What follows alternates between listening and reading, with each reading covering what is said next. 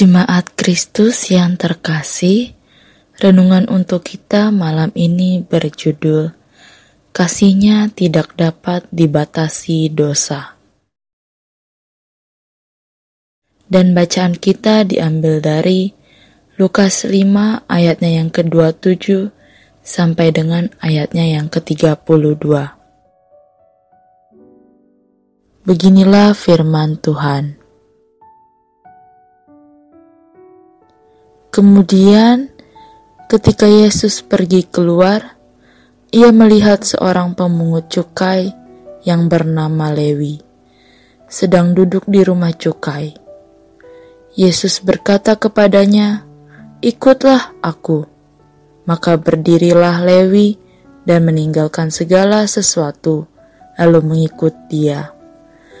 Dan Lewi mengadakan suatu perjamuan besar untuk dia di rumahnya dan sejumlah besar pemungut cukai dan orang-orang lain turut makan bersama-sama dengan dia.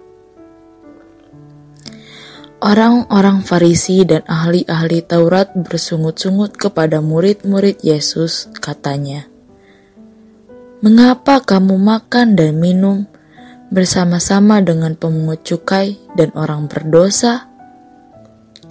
Lalu jawab Yesus kepada mereka, katanya. Bukan orang sehat yang memerlukan tabib, tetapi orang sakit. Aku datang bukan untuk memanggil orang benar, tetapi orang berdosa, supaya mereka bertobat. Ada berbagai cara dari kuasa kegelapan untuk membuat anak-anak Allah jatuh dalam dosa. Apakah ada di antara kita malam ini yang berpikir bahwa membaca firman Tuhan, rajin pelayanan, sering menyanyikan lagu rohani, akan memberikan jaminan kita terhindar dari dosa? Tentu saja tidak.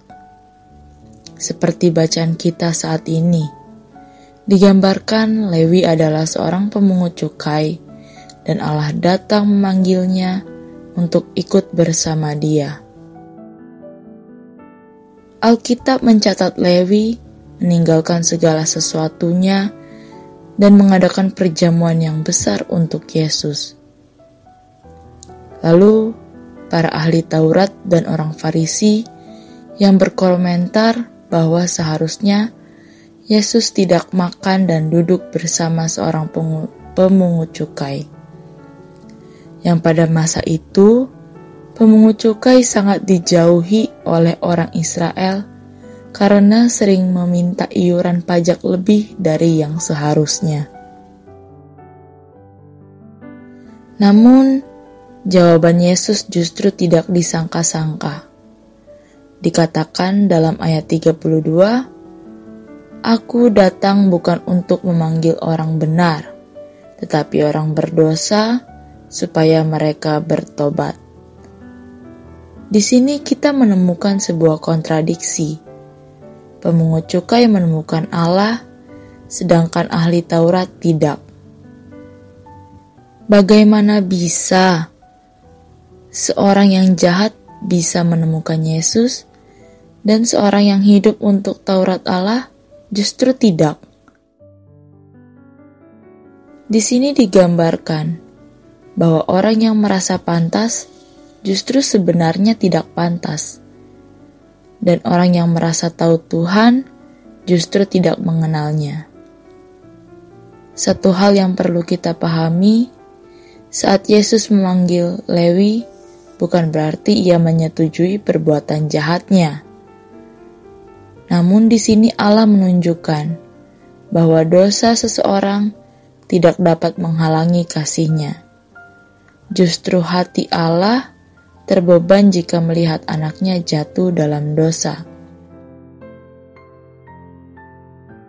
Kita tidak boleh lupa apa tujuan Yesus lahir ke dunia ini. Jelas, Dewi tahu dia tidak pantas di hadapan Tuhan. Tapi Yesus tahu bahwa Lewi membutuhkannya.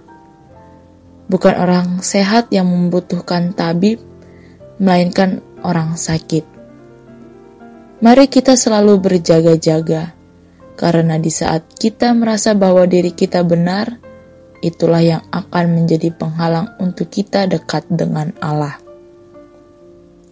Ya Allah, biarlah sambil kami menyelami firman-Mu hari demi hari, kami pun berjaga-jaga agar tidak menjadi pribadi yang selalu merasa pantas dan tidak bosan-bosannya selalu mengoreksi diri sendiri. Demikianlah renungan malam ini. Semoga damai sejahtera dari Tuhan Yesus Kristus tetap memenuhi hati dan pikiran kita. Amin. Jemaat yang terkasih, Mari kita bersatu hati menaikkan pokok-pokok doa yang ada dalam gerakan doa 21 GKI Sarua Indah. Mari berdoa.